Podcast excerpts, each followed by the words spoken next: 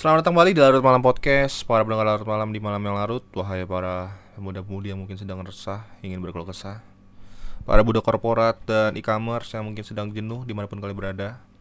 Adalah hal yang tepat buat kalian berkunjung ke sini Dan please jangan di stop Terus dengarkan podcast ini Dan yang paling terpenting jangan lupa untuk follow Dan aktifkan lonceng Larut Malam Podcast. Balik lagi bersama gua Jerry dan juga Intan? Kali ini episodenya judulnya adalah Pengen jadi paman gober Oh, Paman Nah, Gobe Paman- yang di Donald Duck Donald Duck yang banyak duitnya, Ah, ah, bener-bener banyak emasnya. Paman Gober tuh salah satu karakter di kartun Donald Duck, bener. Dia obses banget sama kekayaannya, di mana itu ngebuat dia jadi serakah, Iya.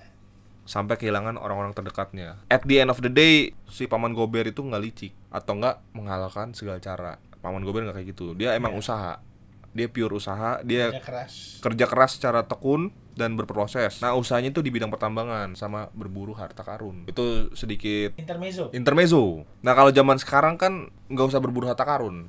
Sekarang tuh istilahnya kerja cerdas. Iya. Bener nggak? Bukan work hard lagi, tapi work smart. Berburu cuannya dengan investasi. Iya. Jadi kalau menurut Wikipedia gue baca nih investasi. Suatu kegiatan penanaman modal baik langsung maupun tidak dengan harapan waktu nanti pemilik modal mendapatkan sejumlah keuntungan dari hasil penanaman modal tersebut. Fokus ke topik Yang sekarang kita bahas adalah karena kemajuan zaman di era sekarang ini udah banyak dari kita khususnya anak-anak muda yang dari sedari ini udah tahu yang namanya Oke. investasi ya kan karena sekarang apa pun bisa di googling Iya. Sebenarnya sih udah ada sejak lama kali ya, Jere. Yang kayak gini tuh udah ada Udah sejak ada. lama. secara konvensional dulu Ya, tapi spreadnya aja sih, penyebarannya aja lebih mudah. Iya gak sih? sekarang kan digital ya kan Iya. investasi lu bisa tinggal isi formulir tanda tangan digital beli berapa lot. Kalau saham ya itu ya Inten. ya. Jadi bahkan ada beberapa yang nggak pakai kontrak, yang apa nih, yang beli gitu-gitu. ya kan maksud gue jenis-jenis saham kan ada banyak ya. Heeh, jenis-jenis eh jenis-jenis investasi salah satunya saham. Banyak. Nah ini yang ngomong bukan gua Yang ngomong hasil survei dari Kata Data Insight Center Bahwa 41,3% gen milenial 41,8% gen Z Yang di mana proporsi investasi juga lumayan gede di atas 50 juta. Dibilang banyak ya memang banyak gitu Yang gen milenial, gen Z itu udah pada tahu tentang investasi gitu Udah pada melek. Kalau gue pribadi sih sempat beli saham Tapi sekarang gua udah tarik lagi duitnya. Kenapa? karena gue lebih fokus dari yang kecil dulu gitu kayak tabungan berjangka gitu. Oke. nah itu kan ada goalsnya ya kayak konsep piramida keuangan kan dari step urgent paling bawah tuh mengelola arus kasnya cash flow gitu Oke. dana darurat biar duit secure gue cuma sesimpel itu aja Oke. kalau ngomongin saham gue bukan high risk. yang ke- dari hal yang kecil dulu lah gue gitu lo gimana mau Kalau gua pribadi sih, gua lebih ke arah kayaknya kalau- kalau untuk sekarang justru gue berpikiran konvensional sih. Untuk sekarang tabungan gue gue pakai buat investasi gue belum berani. sih. iya jadi ada fokus yang lain lah istilahnya Mm-mm. gitu ya ngatur cash flow sendiri secara Iya. pribadi biar ya istilahnya yang penting duit secure dulu Iya betul. Terus mungkin kalau insurance gue masih berani. Nah kalau udah beres mungkin kalau itu gue udah mulai kayak flow-nya santai ya kan nggak terlalu ribet. baru ke ranah-ranah yang yang tadi udah disebutin Iya. tuh investasi dan segala macam Saham. saham gitu-gitu dan ya. lain-lain. Disclaimer di sini kita bukan expert, kita cuman share aja pengalaman sama based on true story yang kita dengar-dengar juga dari orang lain gitu ya. Yang terjadi yang dari sosial media. Nah sumber-sumber referensi juga sebenarnya bisa dicari di mana-mana. Lu tinggal googling pengetahuan tentang investasi dan apa aja jenisnya, profitnya gimana. Banyak itu di googling. Atau enggak mungkin nggak usah di googling nanti pasti ada teman lu yang nawarin pasti lah. Iya pasti bang. Zaman sekarang. Oh lu, lu sibuk apa Jer? Oh Jer, apa kabar? Iya. Enggak zaman sekarang memang gitu loh. Nanya apa kabar tuh ada udang di balik bakwan gitu kan. Tapi gue jujur ya, kalau gue, gue kan orang MLM nih pak ya. Ah, ah. Gue MLM tuh dari 2000 berapa ya? Sebenarnya gue dari SMP tuh udah tahu Tiens, Tiens sekarang. Kalau dulu namanya Tiensi. TNC. Hah? Kanker, kanker itu ya. Bukan. TNC itu eh dulu tuh kalsium buat tulang, protein gitu-gitu pak. Hmm. Nah, gue tuh dulu memang dari dulu lah udah tau lah MLM tuh bagus gitu. Sistem ya, MLM itu sistem ya balik lagi bukan bisnis investasi ya. Jadi nggak nggak selalu buruk ya kelihatannya. Enggak, enggak selalu buruk. Jadi tadi nyampe dari mana sih? Kita lagi bahas apa sih? Enggak usah gini deh. Lu tunggu deh sebulan, dua bulan, tiga bulan, pasti ada lagi tuh ntar. Eh Jer, apa kabar? Nah itu tuh itu bridging lah buat masuk. Cuman kalau gue pribadi pas dari dulu gue MLM, gue lebih ke to the point sih gue nggak pakai cara yang oh ya apa kabar gitu ya Terlalu kalau- basa-basi gitu ya. iya tapi gue lebih nggak salah karena kan itu? nggak salah itu karena masih dipakai semua orang pak gue bisa dikeroyok ntar kalau bilang salah gue lebih karena oh Jer gue mau share bisnis nih gue lebih gitu openingnya Nah itu sih menurut gue lebih baik sih daripada ngejebak Iya, tiba-tiba kan? disuruh datang seminar loh. gue pernah itu dulu. Kalau gue sih nggak respect kalau kayak gitu ya. Walaupun gimana ya menurut gue mendingan jujur aja dari awal gitu ya. iya lu pernah gak sih diajak makan diajak makan terus toto Itu itu gue dijebak ya. dibilangin Pak Budi Pak Budi tuh ini Budek dikit. bukan Oh. presentasinya orang ini inisial asuransi P Oh. Bisnisnya lu gampang, lu tinggal bayar segini, ntar profitnya berkali lipat ganda lu gitu. Ntar lu bisa jalan-jalan ke luar negeri gitu. Bahkan apa ya, tenang aja pokoknya perusahaan kita terlalu Gue nggak bahas secara dalam lah intinya tentang investasi masih newbie gue kalau gue pribadi. Cuman gue buat podcast ini sekaligus kayak menyalurkan keresahan aja karena banyak banget gue denger kabar dari kanan kiri teman gua, temen teman gua, kolega, ada kerabat juga yang di mana mereka kena zong. Ya kita bisa sebut lah itu namanya investasi abal-abal atau enggak investasi bodong atau bahasa gampangnya penipuan investasi. ya scamming bahasa kerennya Hmm, kita sharing-sharing aja ya. Kalau menurut lu kenapa tuh? Pada kena tipu tuh masalah gini kenapa menurut lu? gua rasa sih semua perusahaan yang menaungi bisa scam sih kita bahas dari semua semua investasi lah ya dari cryptocurrency terus eh, trading forex itu kan lagi booming juga tuh robot apa segala macem yang terakhir ini sebelum Sunmot ada Sunton Sunton. Sunton. Oh, Sunton apa? Suntik apa? bukan Sunton tuh bukan suntik Sunton tuh Suntik Anton. Lebih ju- Sunton itu eh, Sun Sun Anton. Apa? Sunton itu platform trading dengan sinyal Gue kayak pernah denger nih, cuman yang Randy banget. ikut pak Randy ketipu dong berarti. ketipu pak Berapa itu? 50 dolar taruh lu Taruh- invest taruh invest. Nah, invest lu dulu, kan. deposit dana lu lu main forex trading dengan sinyal yang diberikan dari pusat kalau menurut gua pesan gua sebelum lu masuk atau lu berinvestasi di satu hal lebih baik lu kenalin bener-bener dulu lu bener-bener kenali lu pahami dulu biar lu nggak salah milih. No gua nggak bilang soal fundamental Cer. tapi dalam artian kalau fundamental kan berarti lu udah mendalami. Tapi ini ke lebih mengenali. Ya jadi sekedar kayak tahu misalnya gua ketemu lu nih gua tahu oh nama lu Jerry. Udah gitu. Maksudnya lu kuliah di mana kerja di mana kayak gitu. Jadi kayak misalnya eh, yang Sunton ini pas gua tanya gimana sistem tradingnya? Gue tanya gitu kan. Terus dia bilang ini kok dari 50 dolar dia akan ngitung ini dibagi seribu. Pokoknya gitu dah. Gue nggak ngerti tuh perhitungannya gimana Teknis. sehingga ya sehingga satu kali transaksi itu 0,05 lot. Jadi itu menurut gue wah ini udah nggak ada nggak ada otak nih. Sedangkan gue dulu saat gue trading di forex gue main di 0,01 lot dengan modal 10 juta. Ini dengan modal 750 ribu lu bisa main di 0,05 lot. Yang artinya itu udah menurut gua ini lu turun dikit aja tuh margin call. Dalam artian dana lu habis ketika lu turun. Tapi ini dalam lu bayanginnya dalam dua minggu full eh atau satu katanya ya satu tahun setengah itu merahnya atau kalahnya itu cuman berapa kali bisa dihitung jari. Ini kayak oh bang kayak nggak bener. Jadi pas gue udah tahu oh dengan dana segitu tuh lu nggak mungkin bisa main. Dengan lu 750 ribu lu main di anggapannya 0,05 lot itu lu udah nggak udah nggak mungkin bisa survive lah. Terus da- tapi ini dengan kenyataan lu selalu menang menang menang menang.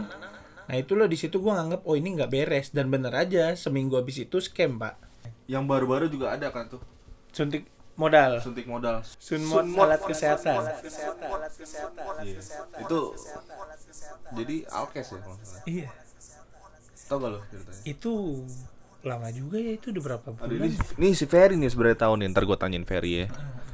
Jadi ntar akan dijelaskan oleh Ferry. Nah, kalau gue ya, kalau gue pribadi dibilang dia nipu, gue nggak setuju sih. Gue nggak setuju karena dia korban juga. Dia Pak. ketipu. Dia ketipu. Bukan dia nipu. Jadi itu yang gue bilang kenali. Kenapa? Ketika lu jatuh gitu, ketika ya kayak itu scam kabur, yang kabur kan perusahaan ya pak, bos ya, bos gedenya. Masalahnya duit si downline dia ngumpul banyak di dia terus ternyata dibawa kabur sama si bos yang utamanya nih. Nah, itu. Nah, dia yang harus nanggung. Iya, kalau kita balik di posisi ya. Ketempuan gitu loh. Heeh, kalau kita balik posisi, dia posisi di atas. Terima nggak maksudnya orang yang di bawah ini yang komentar ini yang menyalahkan menyudutkan ini dia di posisi di atas dia menikmati duit dari bawah dan ketika itu scam dia dibilang penipu. Terima gak itu duit gue lo tanggung jawab. Balikin duit gue itu makanya gue bilang perhitungannya itu nggak masuk akal. Mungkin susah mungkin susah tadi ya. Tadi gue menjelaskan tuh susah gitu bahasanya. Tapi ya itu lot itu hitungan satuan trading lah gitu. Dan di situ gue udah ngerasa oh ini udah nggak mungkin coy. Di zaman zaman sekarang gitu sih.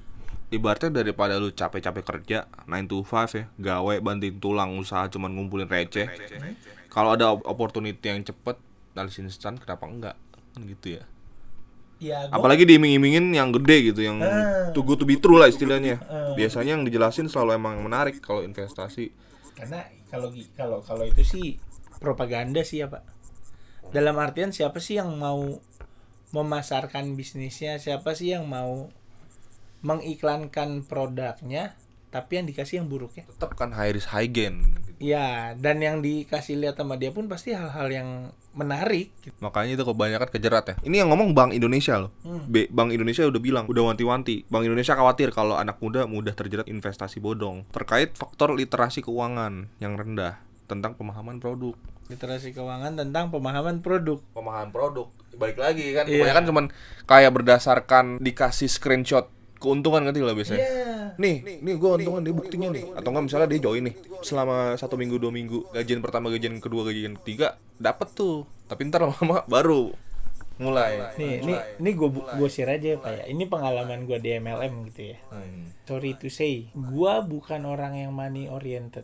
Dan ketika MLM pun gue mengalami gitu ya ketika tim gua terbangun hampir 500 orang dan gua murni kalau dibilang itu kerja keras gua enggak. Itu bukan kerja keras gua. Itu karena downline gua punya lingkungan yang bagus aja. Dari orang yang gue masukin juga nggak seberapa banyak kok nggak lebih dari 5 kayaknya sampai bisa ke hampir 500 orang itu. Dan itu apa ya banyak banget pak yang nge-share tuh bukan hasil dia sendiri. Jadi bonus-bonus yang di-share itu hasil upline-nya dia, upline atau hasil siapa. Jadi menurut gua ya bullshit aja sih. Dan itu yang makanya gue bilang pahami produknya. Ketika lu ambil keputusan lu udah siap dengan resiko yang ada gitu loh. Dan lu bener tahu oh ini loh cara cari duitnya begini mendapatkan duitnya begini. Jadi lu nggak sekedar otaknya duit duit duit duit. Ya itu yang bisa merusak orang sih.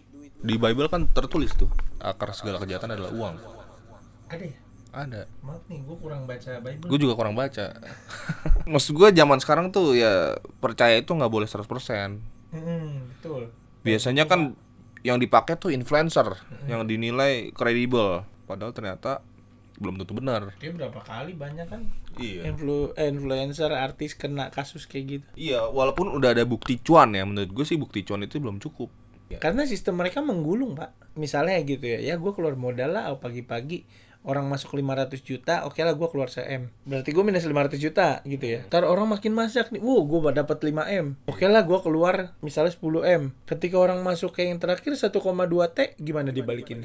nah bagusnya sih kalau ragu atau bingung ya misal lu ditawarin investasi ya bisa tanya langsung ke pihak yang resmi ya Cari atau info enggak kredibel. Ya. cari info banyak-banyaknya biasanya yang resmi itu udah diregulasi gak sih sama pemerintah? Legalitasnya gitu kan?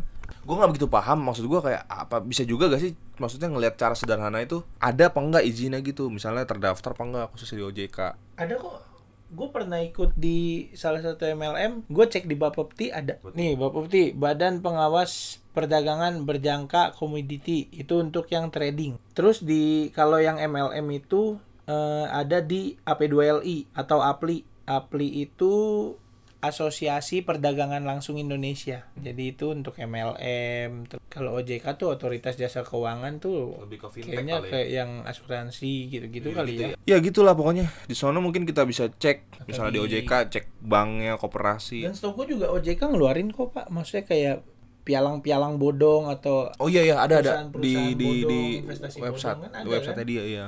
Mereka nge-share kok setahu gue deh Bapepti OJK ngasih info juga. Soalnya banyak banget zaman sekarang yang kayak kita obrolin tadi kayak aset kripto, money game gitu-gitu ya. Fintech lendingnya tanpa izin dan semacam itulah ya. Intinya jangan jangan fanatik lah. Sorry ya gue bukan karena ketakutan gue gitu. Salah satu temen gue pun sempet tuh gue bilangin jangan terlalu nafsu gue bilang mesti ada perhitungan dan lu nggak bisa mengenali ini bener-bener dia main futures bukan main spots di kripto jadi dia bener aja diinjek sama dia diinjek sama dia diinjek sama dia Suntik terus. ah. terakhir setahu gua dia bilang oh gue injek lagi biar gue tidur tenang besoknya udah raib tuh 50-an Mungkin buat dia segitu mah ya udahlah ya. berasa pak Masa sih? 50-an juta untuk kagak gila tuh orang Sekarang apalagi tuh ada ada yang baru nih yang jual beli tanah virtual. Apa tuh Ada itu artu artu.io searching lagi. artu.io Oh, ada. Jadi kayak yang tadi gue bilang. itu yang meta metaverse itu Ya jual beli tanah ntar ntar kita lihat nih. Oke gitu aja sih pokoknya thanks buat teman-teman yang udah dengerin podcast ini. oke Saya sehat selalu ya jangan lupa buat follow Larut Malam Podcast di Spotify. Jangan lupa juga nyalain notifikasi loncengnya. yuk Kalau mau cerita-cerita lu bisa kirim ke email.